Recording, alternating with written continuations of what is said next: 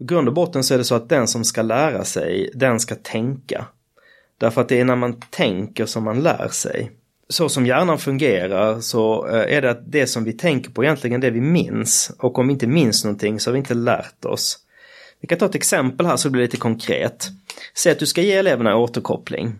Då brukar jag alltid säga så här att återkopplingen liksom behöver leda till mer arbete för eleven än för läraren. Därför att det är eleven som ska lära sig. Annars är det läraren som har tänkt väldigt mycket kanske, men om eleven inte gör det, ja, då händer inte så mycket. Första gången jag träffade dagens gäst gick jag i årskurs 1 på gymnasiet och han undervisade bland annat i filosofi A. Sedan dess har mycket förändrats. Medan jag har blivit lärare har han själv lämnat undervisningen för att bli lektor i Linköpings kommun.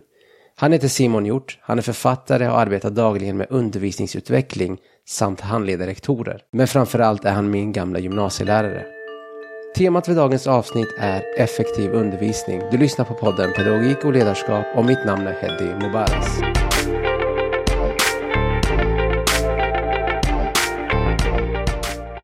Simon Hjort, välkommen till min podd.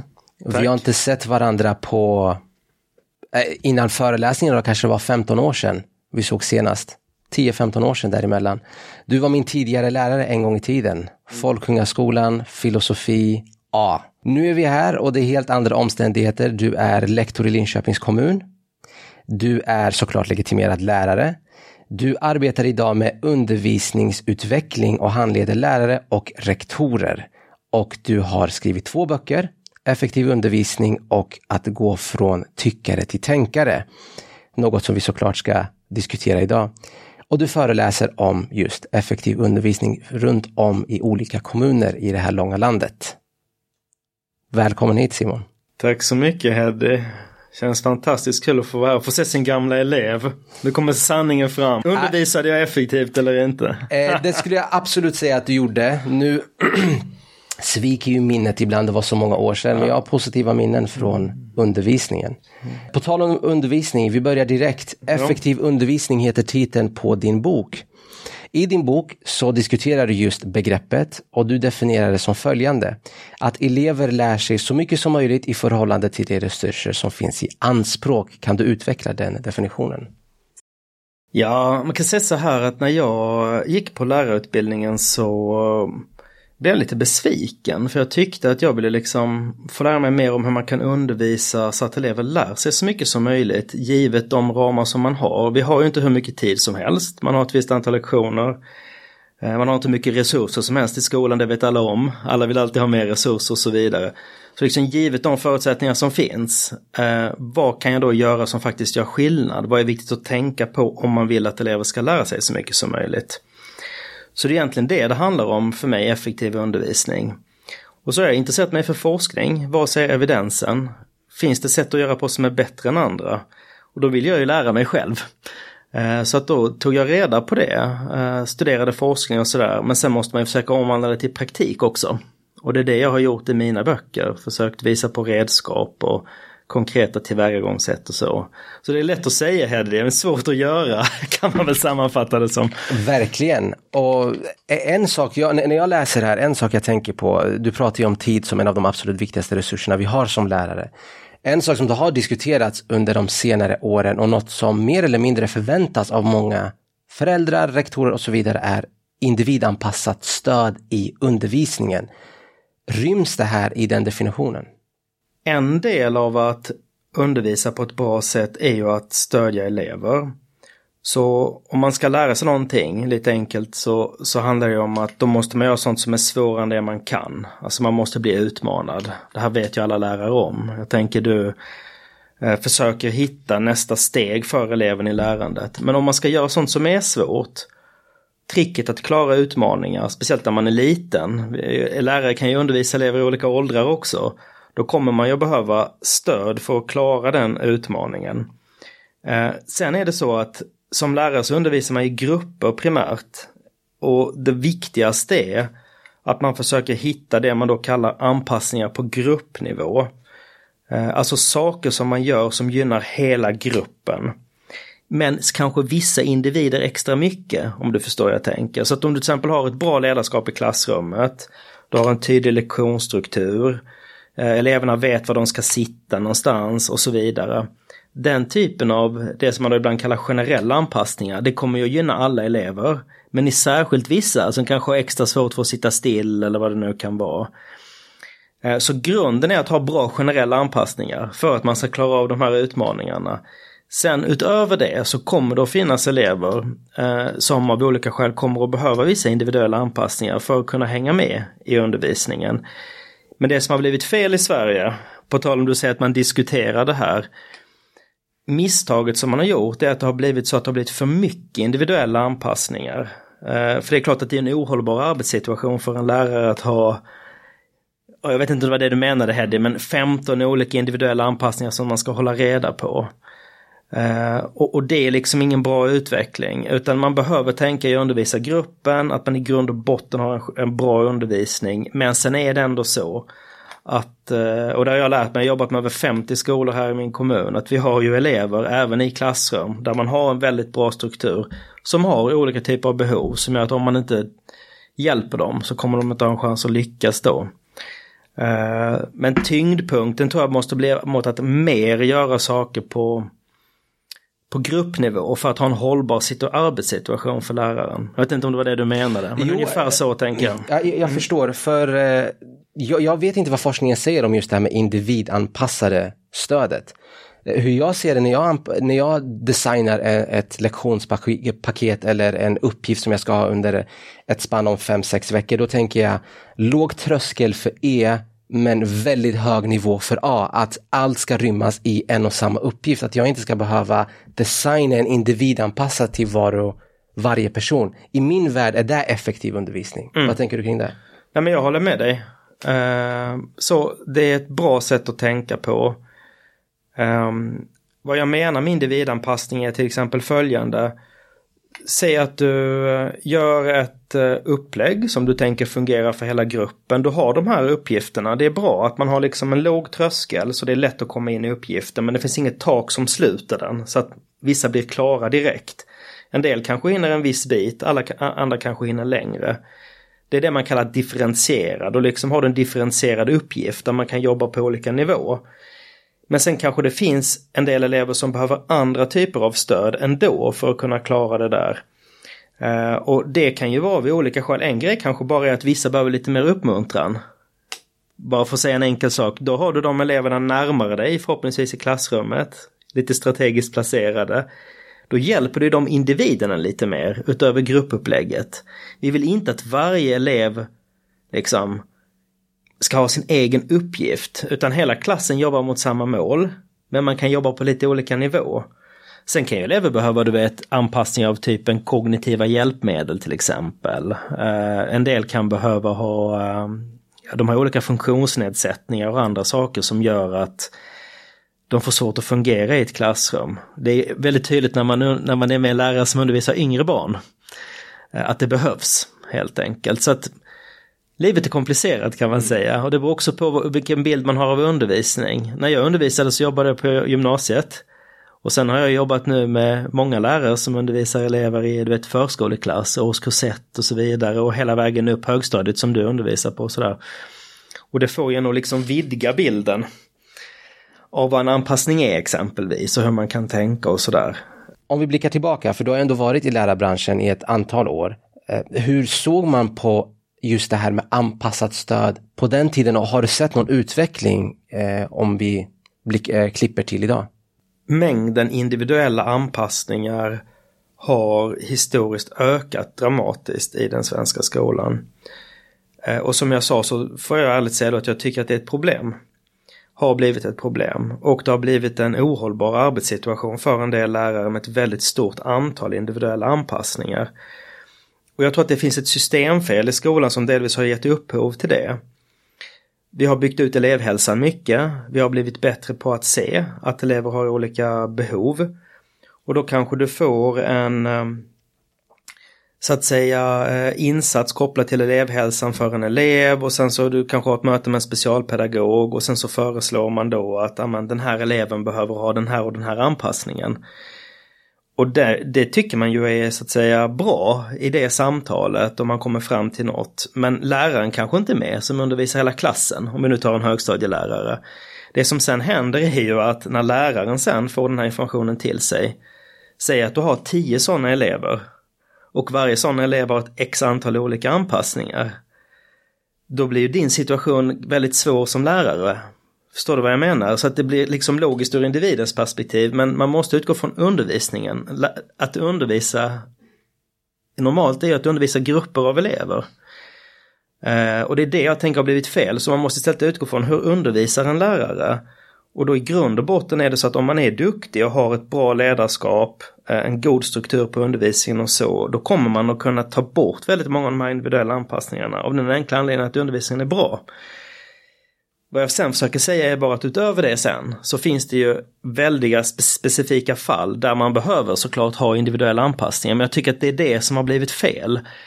Och jag försöker, hoppas jag, tillsammans med andra att vrida tillbaks det lite grann. Vi lever jag brukar säga, skoja att vi lever i Amy Diamond-samhället. What's in it for me?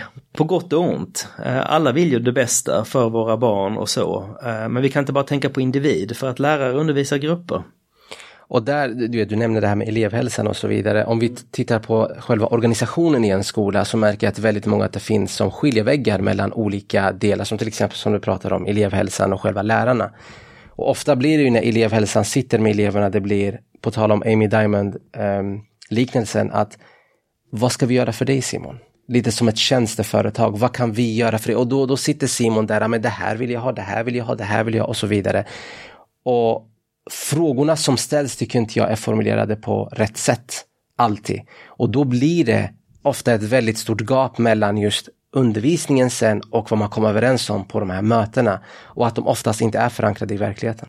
Nej, och jag tror att man måste jobba bort de, det här gapet som du säger, de här, de här eh, stuprören mellan elevhälsan och lärarna. Och sen måste man ju mötas i det, för någonstans är det ändå också så att läraren måste ju eh, Eh, måste ju se att eh, om det finns en, en, elev som har olika former av behov så behöver vi fundera kring hur kan vi möta dem på ett bra sätt. Men det måste finnas en rimlighet i det. Och på samma sätt så behöver ju elevhälsan inse att läraren undervisar en stor grupp av elever. Eh, alltså när jag undervisade på gymnasiet exempelvis då kunde jag ju ha över 150 elever i veckan. Det var mycket att hålla reda på Eh, i många olika kurser. Eh, så, så att det gäller att hitta och då tror jag att man måste komma bort ifrån de här dyra, ineffektiva individuella lösningarna och utgå mer från anpassningar på gruppnivå. Eh, och det jag har sett också att när lärarna är riktigt skickliga, för du vet jag har ju tittat på undervisning i många, många klassrum. Eh, jag är privilegierad på det sättet, jag har haft tur att kunna göra det i olika länder också och sett hur jobbar skickliga lärare det är så att när man har en i grunden väldigt välfungerande undervisning då blir det här en mindre typ av diskussion. Eh, för att eleverna hänger med helt enkelt. Läraren är väldigt tydlig. Men en typisk anpassning är att man ska bryta ner ni vet, uppgifter så här i olika steg. För att det ska bli lättare att hänga med om man har lite svårare. Men jag menar det gynnas ju alla av, eller hur? Att läraren är väldigt tydlig i instruktionen. Att man till exempel kanske inte bara eh, ger en instruktion muntligt utan att man också ger den skriftligt. Då har ju alla hjälp av att få både och. Att om man skriver på tavlan så kanske man inte pratar samtidigt. För då blir det en överbelastning på arbetsminnet. Det är svårt för många elever att fokusera på båda sakerna samtidigt. Då kan du göra en sak i taget. Det kommer gynna den eleven men det kommer också gynna de andra. Och så vidare. Så det är mycket en fråga om hantverk. Verkligen och en sak som man sällan lyfter är att en riktigt bra lärare är effektiv i sin kommunikation. Det är inte så mycket ordbajs däremellan. Den är väldigt tydlig och effektiv och ofta fåordig i hur den lägger upp uppgifter eller hur, lägger, hur den lägger upp en lektion och framförallt det, fin, det är väldigt tydligt när den startar lektionen, väldigt tydligt när uppgiften, allt sker naturligt. Det, det är inte så mycket input som krävs från läraren i de sammanhangen. Nej, nej, det har man sett faktiskt att man är duktig på att ge korta kärnfulla instruktioner. Så det är studerat. En annan del är precis som du säger här hur man liksom styr flödet på lektioner och inte minst övergångar mellan olika aktiviteter. Eh, att man får dem att fungera på ett bra vis. Ehm, så att jag tror att det finns mycket att vinna där. Men sen vill jag ändå säga då för alla som lyssnar här att jag vet om att vi har också väldigt tuffa situationer i skolan och det finns, vi har elever eh, som av olika skäl kommer behöva stöttning liksom utöver det här generella. Um, så, så det gäller att få ihop det, men man måste ha en håll, hållbar, liksom i grund och botten arbetssituation, annars kommer folk inte vilja vara lärare. så det är en jätteviktig fråga. För att det ska bli en hållbar arbetssituation så är det så här jag ser efter några år, jag ska inte säga att jag är supererfaren, men efter några år i branschen. När jag, när jag ska eh, skapa ett nytt arbetsområde så det första jag tänker på är mig själv. Bara mig själv, ingen annan. För många gånger när lärare ska planera så tänker de bara på eleverna. Vad ska vi göra som är bäst för eleverna? Vad, hur ska vi fixa det så att de lär sig mest och så vidare. Jag tror det är en helt fel inställning. Det bästa du kan ge eleverna och det som är det mest avgörande är en frisk, kry och glad lärare där framme. Så om jag ska kunna leverera det här till eleverna så måste jag bara tänka på mig själv i början av undervisningen. Så då går jag baklänges och tittar rättningsbördan. Hur mycket rättning kommer det här generera i relation till hur mycket kunskap eleverna kommer få? För bara för att de skriver mycket på en uppsats betyder det inte att de lär sig mycket. Eh, och på det här sättet försöker jag få en väldigt tydlig balans med input från min sida och output hos eleverna. Hur tänker du kring det resonemanget? Jag tänker så här att det man egentligen ska för det första så måste man naturligtvis tänka på vad jag har för förutsättningar så. Så, så. så, det håller jag helt klart med dig om. Det jag alltid tänker på och som jag också jobbar med lärare i det är ju att fundera kring hur maximerar jag lärandet? Alltså då behöver man börja kring precis det du säger. Hur lär sig elever? I grund och botten så är det så att den som ska lära sig, den ska tänka. Därför att det är när man tänker som man lär sig. Därför att så som hjärnan fungerar så eh, är det att det som vi tänker på egentligen det vi minns. Och om vi inte minns någonting så har vi inte lärt oss. Vi kan ta ett exempel här så det blir lite konkret. Säg att du ska ge eleverna återkoppling. Då brukar jag alltid säga så här att återkopplingen eh, liksom behöver leda till mer arbete för eleven än för läraren. Om du förstår vad jag menar. Därför att det är eleven som ska lära sig. Annars är det läraren som har tänkt väldigt mycket kanske, men om eleven inte gör det, ja, då händer inte så mycket. Det är ett typexempel som när jag själv gjorde när jag undervisade i början och misslyckades med. Det var att jag kanske samlade in elevarbeten, jag skrev jättelånga kommentarer till dem och så. Jag tänkte jättemycket kring vad de hade lyckats med och inte och sådär. Men jag märkte många gånger att eleverna inte använde det sen. Eh, de läste inte kommentarerna, de tog inte till sig det, det blev inte bättre. Utan de kanske ögnade igenom det lite snabbt, kollade vad de fick för eh, betyg eller resultat och sen slängde det i papperskorgen. Och då hade jag suttit och jobbat med det där jättemycket. Och då började jag tänka på, hmm, hur kan min feedback generera tänkande hos eleven? Och då började jag använda andra typer av tekniker som jag då hade läst om i forskning och på andra sätt. Exempelvis att jag ställde frågor till eleverna. De fick tillbaka sin examination och sen så fick de 15 minuter på lektionen att liksom tänka kring tre frågor, alltså utifrån innehållet. Så istället för att jag skrev en jättekommentar så fick de svara på en fråga. Ofta så fanns ju svaret. Så det var, men alltså för att få dem att bearbeta informationen. Så det, det här är såklart jättesvårt, va? det beror på vad man ska lära dem och så vidare. Men, men jag tycker det är en bra grundinställning. Eh, så fort jag kommer in i ett klassrum så tänker jag så här, vad tänker eleverna på? För det är eleven som ska lära sig. Du kan vara mentalt frånvarande även om du är fysiskt närvarande. Och Då får du liksom ingen läreffekt. Så det gäller att hitta den balansen hela tiden. Få eleverna att tänka är ett bra avslut på det här, den här diskussionen, för jag vill gå vidare. Jag vill diskutera den här kunskapsdiskussionen som pågår i samhället just nu. Den har blivit mer intensifierad på senare år. Man pratar om den så kallade flumskolan. Skolan ska förmedla kunskaper och inte flum menar man. I din bok Från tyckare till tänkare så lyfter du vad du kallar Matteuseffekten. Där lyfter du vikten av faktakunskaper. Du skriver bland annat att om en person har djup kunskap i teologi och historia kommer den se helt andra saker när den kliver in i en kyrka än en som är mindre kunnig i det området. Och samma princip gäller om man går in på hemsidor eller möter kunskaper eller information på andra sätt i samhället. Kan du prata lite mer ingående kring den här effekten? Ja, Matteuseffekten den, den kommer egentligen äh, Ja, ordet kan bara säga något kort om det då. Det härstammar ju från äh, evangelierna helt enkelt, Matteusevangeliet. Där Jesus säger någonting då i stil med att eh, åt den som har ska vara givet. Och vad det egentligen betyder det är att om man har någonting så är det lätt att få mer av det. Eh, om man inte har någonting så är det lätt att förlora det lilla man har. Typexemplet är pengar. Om du har pengar så är det väldigt lätt att få mer pengar. Men om du är fattig så är det svårt att få lite pengar ens.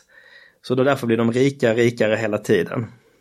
Um, och på samma sätt är det med kunskap. Så förkunskaper är det som avgör egentligen mest vad du lär dig i en ny situation. Så ju mer kunskap du har, ju mer lär du dig i varje nytt läge när du ska lära dig nya grejer. Så det är därför som tidiga insatser är det mest effektiva man kan göra i skolan. Eh, så små skillnader i början av ett skolsystem. Någon kan lite mer än någon annan. Det kan växa över tid sen i undervisningen just för att små försprång ger mer lärande sen. Så att ha koll på förkunskaper och använda kraften i förkunskaper är därför jätte, jätteviktig del i undervisning.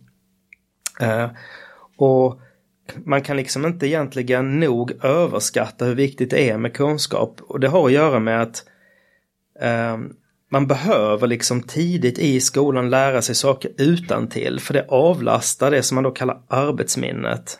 Och arbetsminnet avgör i stor utsträckning vad vi lär oss. Så exempelvis är det så att man behöver lära sig, vi tar något enkelt, multiplikationstabellen utan till. Kan du den utan till, då kan du bara minnas, ja ah, just det, 3 gånger 3 är, 9 eller 6 gånger 6 är 36. Och när du sen ska lösa mer avancerade matematiska problem, då behöver du inte fundera kring vad det är. Och då slipper du den här överbelastningen och då kommer du kunna lösa mer avancerade problem. Så det är därför det är så viktigt med utantillkunskap, utantillkunskap, faktakunskap. Därför att det styr allt kommande lärande. Samma sak om du ska kunna resonera om saker och ting. Du kan inte resonera om något som du inte kan någonting om. Eh, det är bara att prova själv om du inte kan någonting om kinesisk historia så tar det slut ganska snabbt. Så kunskap är helt avgörande för allt lärande och det är där vi har hamnat fel då ibland. Ehm, att man har liksom för, för mycket hoppat över det steget och sagt att ja, men nu ska du resonera om saker och ting. Eh, utan att ta med den här grejen att du måste kunna någonting om det. Och då får man för mycket elever du vet som klipper och klistrar in information från nätet och sådär utan att vara grundade i sina kunskaper. Och det får förödande effekter på sikt då. Eftersom man inte har med sig de förkunskaper som man behöver. Man kan inte heller tolka ny information. Det är precis som du sa, det här med en webbsida exempelvis. Jag har ibland stött på personer som har sagt att ja men varför ska jag kunna så mycket, jag kan ju googla på det. Men du kan inte tolka det du googlar om du inte har kunskap.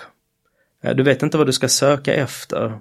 Och även om du hittar samma information som någon som har mycket kunskap så förstår du mycket mindre utav den.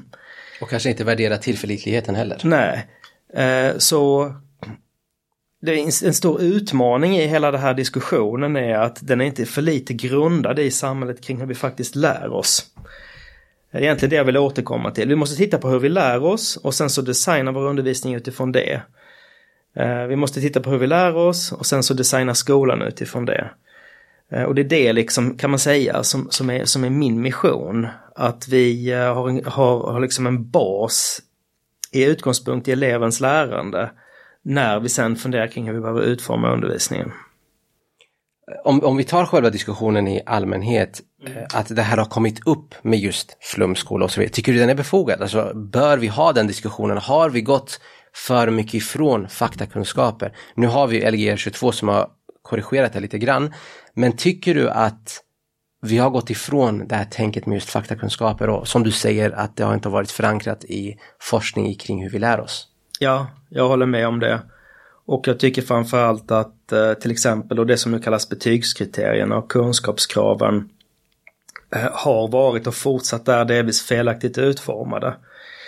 Ehm, exempelvis så att på E-nivå kräva att elever ska föra resonemang om saker och ting ehm, är egentligen ganska onödigt. Det hade varit bättre att man på E-nivån ska just känna till fakta, kunna ge exempel, berätta om saker och sen att det på mer avancerade nivåer kommer det här med resonemang.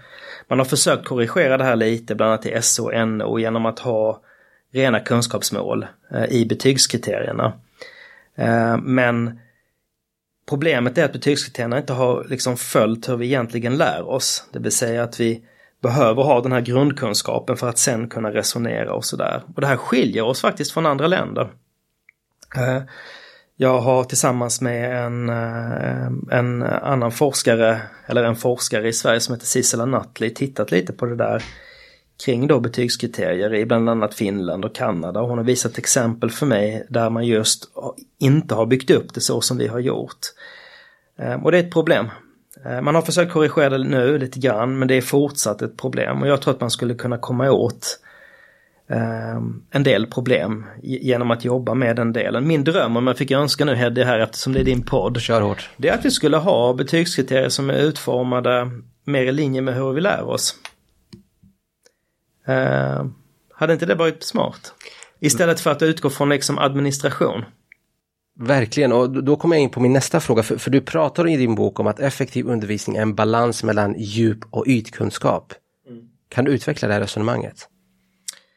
Ja, men uh, ytkunskap kan vara lite Ja, det kan vara ett felaktigt begrepp utifrån att det kan leda tanken fel. Så det är bra att du ställer frågan. Ytkunskap betyder inte att den är ytlig eller så. Det bara betyder att vi behöver lära saker på liksom en enklare nivå först. Det är viktigt att ha kunskaper av typen att eh, Alltså rena faktakunskaper om saker och ting. Eh, att man vet vad begrepp betyder och sådär, även om man inte kan göra så mycket med dem. Bara att du känner till liksom att eh, BNP står för bruttonationalprodukt. Det kanske är bra att veta. Sen blir frågan, förstå det? Vad är egentligen en bruttonationalprodukt? Vad har man för nytta utav det och så vidare. Men om du inte ens vet att det finns någonting, då vet du inte ens vad du ska ta reda på. Så grejen är att det är bra att ge ytkunskaper. Uh, och det märker man som lärare också i ett klassrum att elever som ändå har lite hum om saker och ting, då blir det lättare sen att koppla ihop de här kunskaperna och bygga upp rikare kunskapsstrukturer när man börjar kunna plocka ihop, aha men nu pratade Heddy här om cellen och det kanske hänger ihop med det där med evolution på något sätt eller vad det skulle kunna vara. Och sen på, efter ett tag så börjar man se mönster i det man lär sig. Men du kan inte se mönster om du inte har någonting att skapa mönstren mellan. Får jag, får jag avbryta det där? Ja. En tydlig sån del är ju elever som tittar på nyheter. Mm de har ju mycket, mycket av den här ytkunskapen, bara duttat lite här och där, att mm. de känner igen och då när man hör begreppet bruttonationalprodukt, det är inte lika skrämmande att ta sig an till nästa steg och få en djupare förståelse. Ja, om man har en ingång i det. Eh, och det blir också lättare att fånga elevernas uppmärksamhet kring någonting. Um, så ytkunskap är bra, vi behöver kunna saker och ting, faktakunskaper och så, men sen gäller det att koppla ihop dem och bygga förståelse. Eh, och det tar tid. Och det är det svåra jobbet. Men det är dit vi vill komma såklart. Ehm, att de ska förstå de här idéerna på ett lite djupare plan. Verkligen. Och jag vet ju att du kan prata om det här hela dagen. Det här, det här är eh, verkligen ditt område. Men du har lyft upp andra delar också i boken som är intressant. Eh, i, sven, i skola i allmänhet, vår, vårt fokus är att eleverna ska få så många förmågor som möjligt i olika avseenden. En förmåga som inte är så lätt att bedöma eller eh, den är inte så lätt att mäta är ju den sociala förmågan som du lyfter. Eh, I din bok då, Från tänkare till tyckare. Och du beskriver att det är viktigt att träna på den sociala förmågan och framförallt att kunna interagera, interagera med människor med olika bakgrunder. Tycker du att svensk skola idag erbjuder den möjligheten? Det tycker jag nog.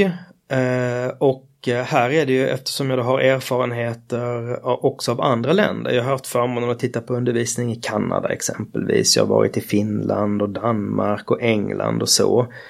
Ehm, vi är ganska duktiga på det här samarbetsinriktade sociala i Sverige. Ehm, så jag skulle inte säga att man inte får den möjligheten i Sverige.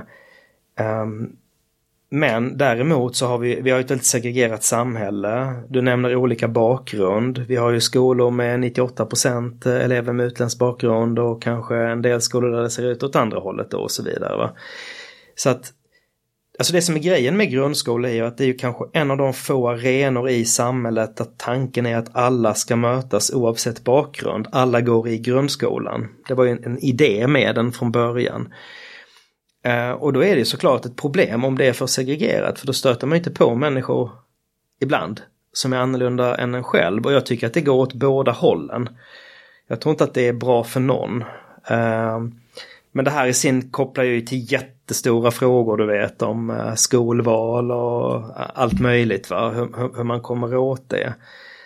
Det jag också tänker med den sociala förmågan är kopplat till digitaliseringen av samhället. Eh, det är ju faktiskt så att väldigt många barn och elever idag sitter väldigt lång tid mycket med skärmar.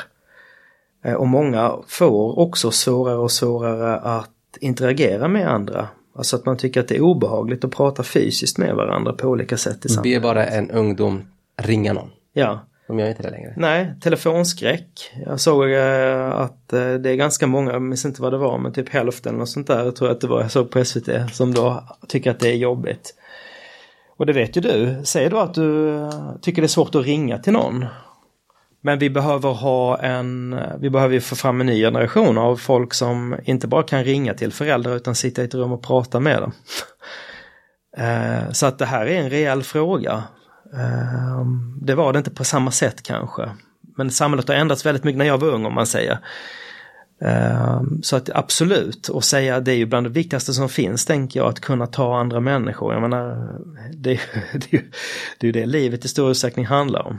Mm. Och du pratar om att det är en stor fråga, jag håller med dig. Och en sak som man faktiskt tappar bort i debatten är allt behöver inte handla om vilken, eh, vart man kommer ifrån, alltså vad man härstammar. Det kan vara sociala eh, skillnader. Eh, men sen finns ett annat problem som jag märker och jag märkte det väldigt tydligt i Stockholm att när man har djupt segregerade skolor, när så fanns det vissa skolor där elever inte mötte i andra elever som var öppet homosexuella. Vilket skapar jättestora problem.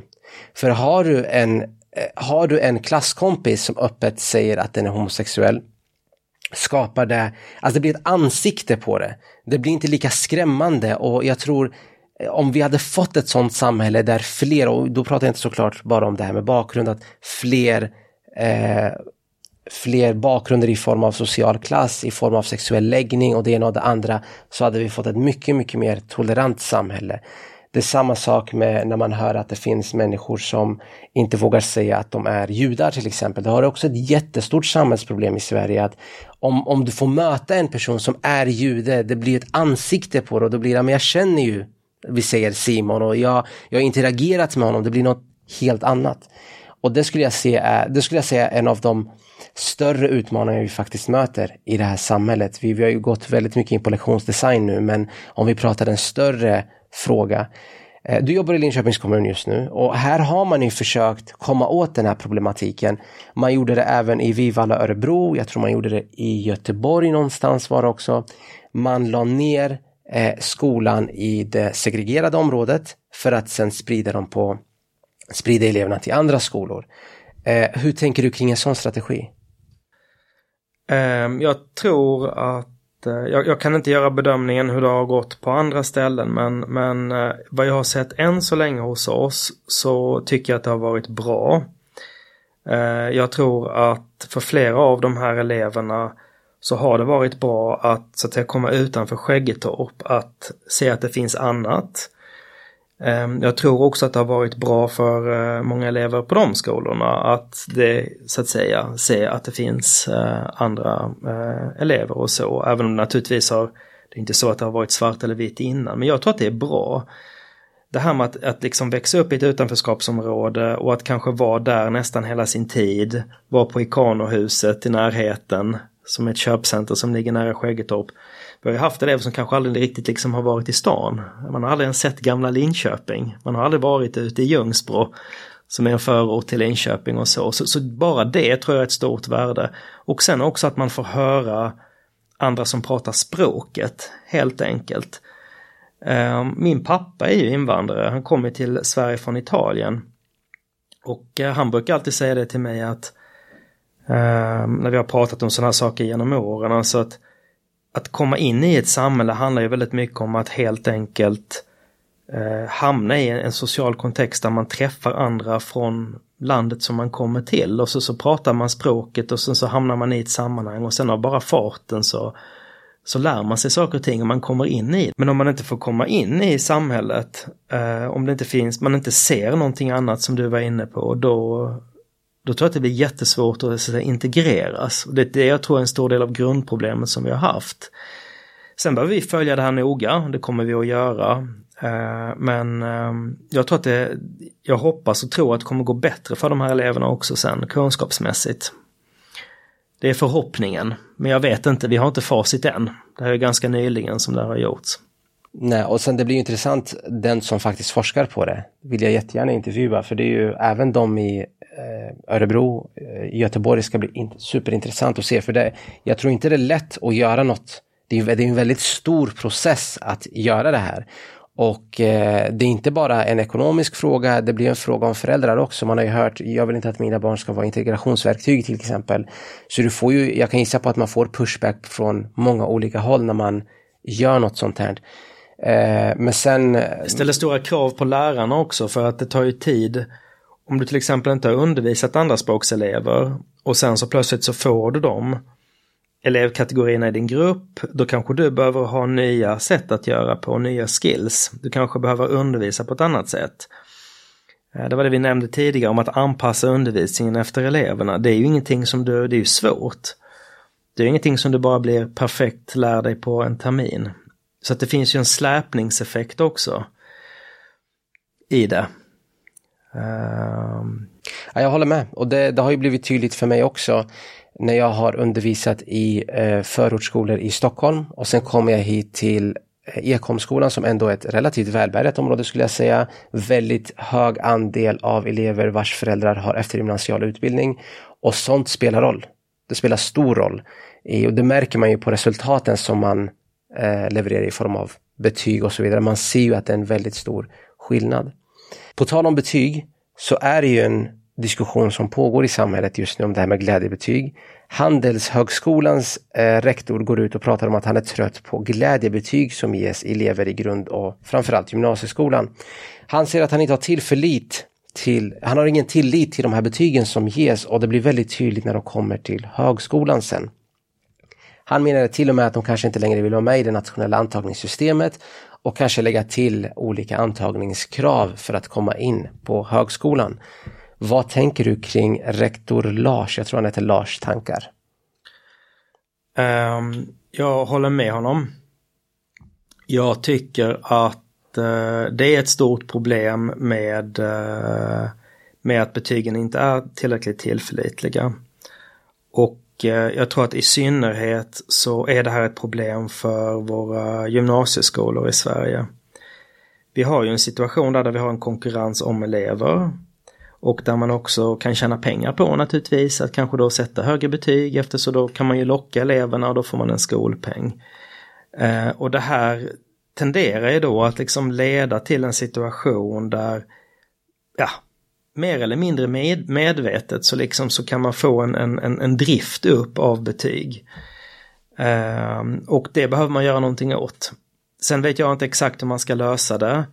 Jag vet om att det finns olika modeller för det här. Skolverket har tagit fram sådana modeller och då behöver man titta på det.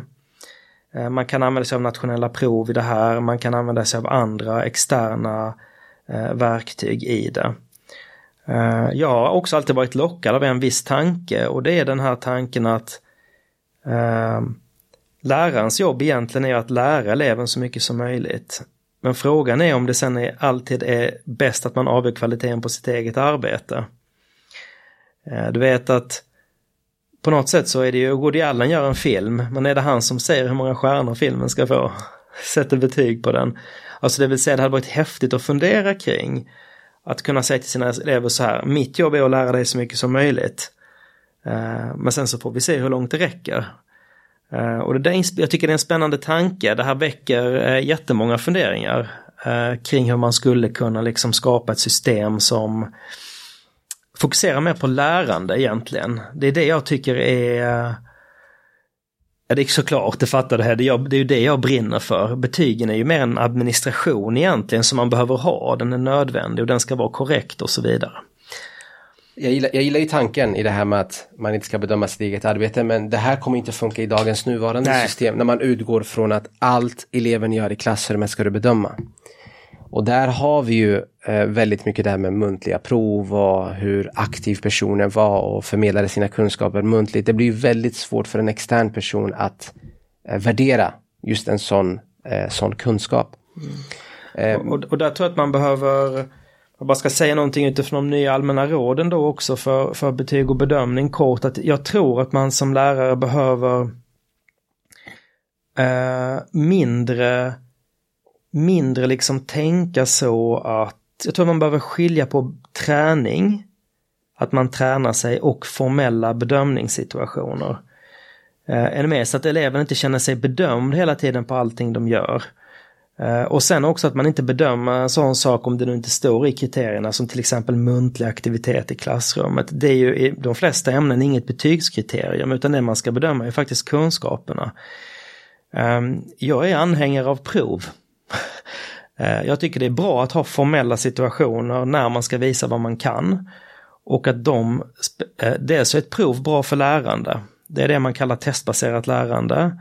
Att man tvingas plocka fram information från långtidsminnet. Men också att man får ett bra underlag att bedöma utifrån. Det är klart att det blir väldigt subjektivt annars. Eh, och där skulle man ju kunna tänka sig ett annat form av system. Om du tar den finska gymnasieskolan där man har kvar det här med som man hade tidigare med gymnasieexamen. Då är det ju mer att du tränar upp, du lär dig saker och sen så kommer det tillfällen när du måste visa vad du kan. Och det avgör hur det går för dig. Det är klart att om, om, om eh, en skola själv eller till och med ett företag kan, kan bestämma ehm, så är det, finns, finns det problem i det.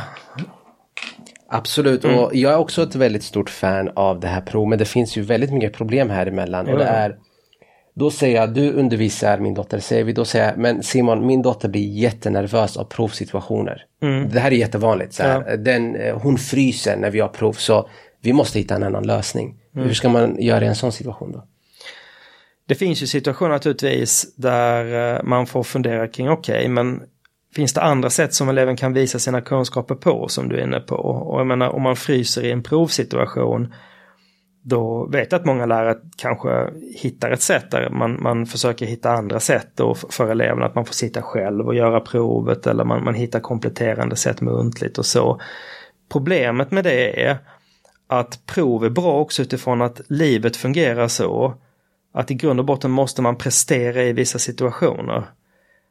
Så är det. När du är lärare behöver du prestera den lektionen. Om du jobbar på ett företag så måste du pitcha din idé på det mötet. Eh, alltså, vi ställs hela tiden inför provsituationer så det är jättebra att man får träna på det som elev. Det som man har svårt för i livet ska man träna mer på, inte ta bort. Jag är helt med dig. Alltså fryser man vid ett prov, du ska utsättas för den rädslan ännu mer tills att det inte är någon rädsla längre. Ja, och bygga upp det sakta och träna på det, inte ta bort det. Jag har haft elever som har sagt så, ja men jag har gjort allting muntligt för att jag liksom inte har kunnat. Men alltså att skriva är att tänka. Så du, du måste lära dig att skriva, för det är så du lär dig att tänka och att liksom anpassa bort det på något sätt. Det är ju, det är ju extrema, extrema situationer. Jag kan tänka mig, det är ju det bör ju knappt ens förekomma. Det är samma sak med läsning. Eh, har du svårt att läsa måste du träna på det. Du kan inte bara ha uppläsningstjänst och att du slipper eller bara titta på YouTube-klipp. Alltså för att, att läsa, läsa är också väldigt viktigt för lärandet. Och annars så får vi situationen att vi kan få elever som kommer upp till gymnasienivå och liksom fortfarande alltså kämpar med grundläggande läsning. Och det är väl det rektorn för Handelshögskolan pratar om. Att ja. man har anpassat bort. För om vi går tillbaka till vår tidigare diskussion om de här väggarna i organisationen. Jag tror inte, vad säger man, elevhälsoteamet håller med dig här. Nej men det är möjligt att, uh, att uh, man tycker olika och det finns massor med nyanser i de här diskussionerna. Men jag tror i grund och botten, om vi nu får liksom förenkla det här lite grann. Det man har svårt för, det måste man träna mer på. Eh, det är ju liksom hela grejen med att lära sig. Man kan inte ta bort det som är svårt. Sen kanske man inte kan göra det på den högsta nivån direkt, då får man bryta ner det. Men har du till exempel jättesvårt för att prata med andra eller presentera för andra, lösningen är ju inte att du inte ska göra det alls. Det är att du ska börja göra det i mindre skala och sen bli bättre.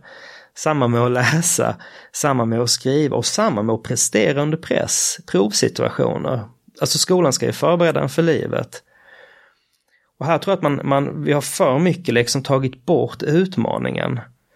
Och det här är inte bara skolan, det är samma med föräldrar.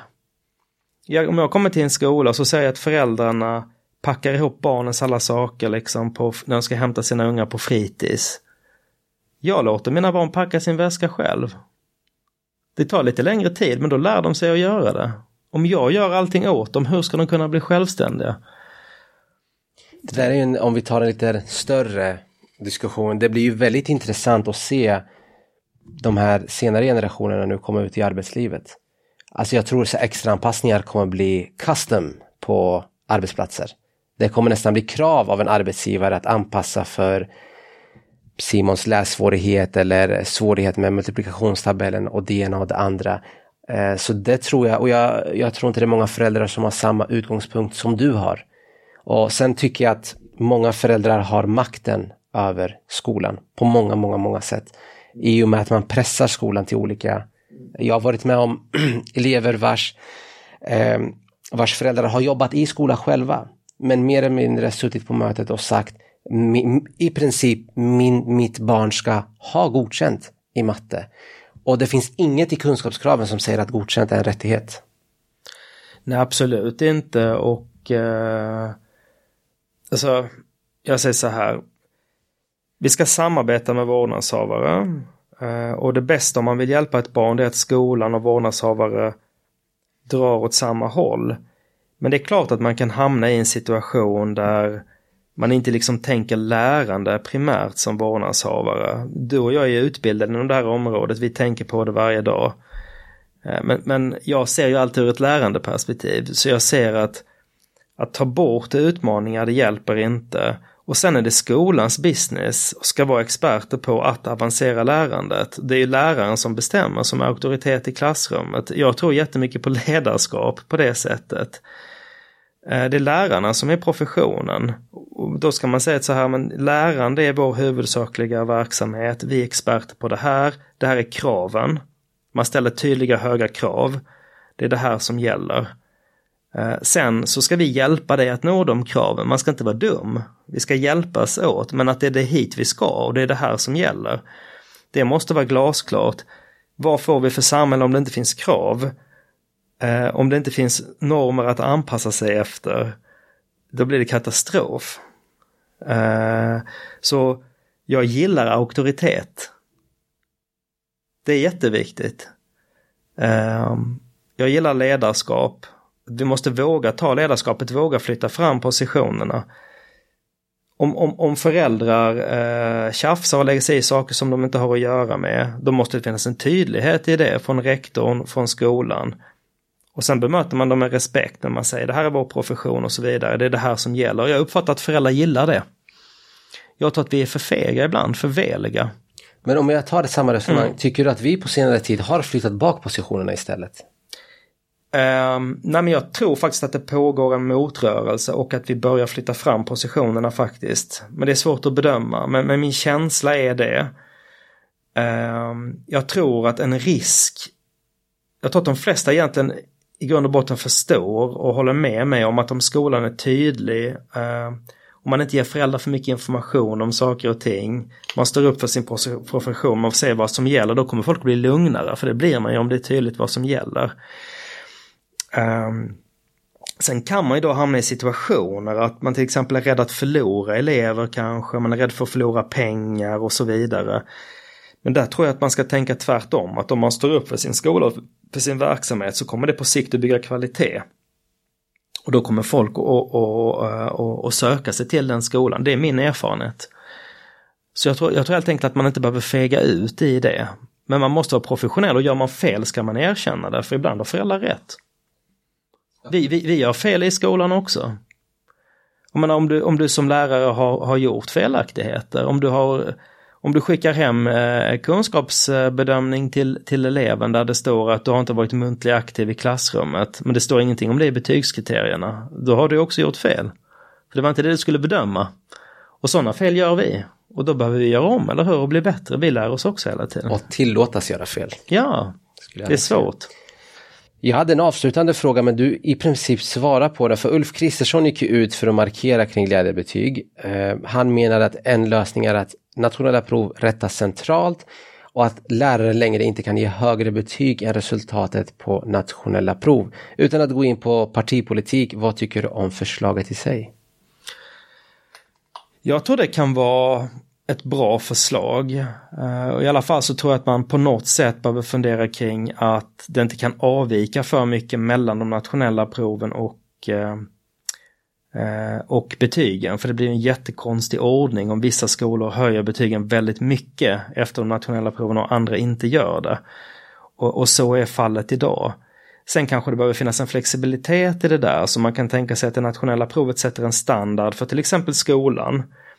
Men att man som lärare kan säga att den här eleven kanske låg ett snäpp under på det nationella provet och den andra låg ett snäpp över och att man då kan fördela mellan eleverna inom sin egen skola exempelvis. Alltså utifrån andra prestationer.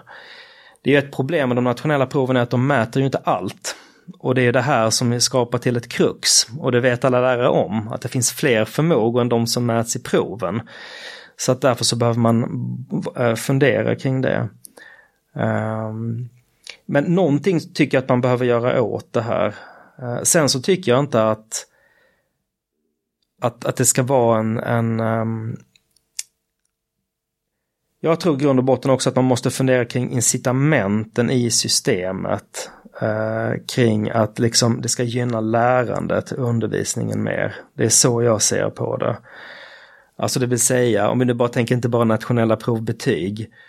Utan hur bygger vi ett system där vi får incitament att till exempel göra tidiga insatser i bättre utsträckning så att eleverna inte hamnar efter från början. Um, alltså det finns så mycket som, som hänger ihop här. Det är svårt att bara plocka ut en grej. Det stora problemet som, som, som jag ser det är att många elever inte klarar grundskolan. Det, det, det, det är ju ett jätteproblem. Vad gör vi i ett samhälle där vi har 15-20% av eleverna som inte klarar grundskolan? Man brukar ju säga att man ska klara gymnasiet. Det är, ja. det, det är det vi behöver fundera kring för vi får ett väldigt stort utanförskap. Det får bli, det är fina tankar som får avsluta dagens samtal Simon. Jag är supernöjd. Eh, det var intressant som vanligt att diskutera med dig. Så ska det bli intressant att följa Linköpings kommuns utveckling i, de här, i det här området. Tusen tack Simon. Tack själv. Jag vill tacka dig som har lyssnat, delat våra inlägg eller supportat podden på ett eller annat sätt. Jag vill även tacka Simon för dagens samtal. Glöm inte att titta till min Facebook-sida Pedagogik och ledarskap. Där brukar jag dela delar av samtalen i videoformat. Vi ses snart igen.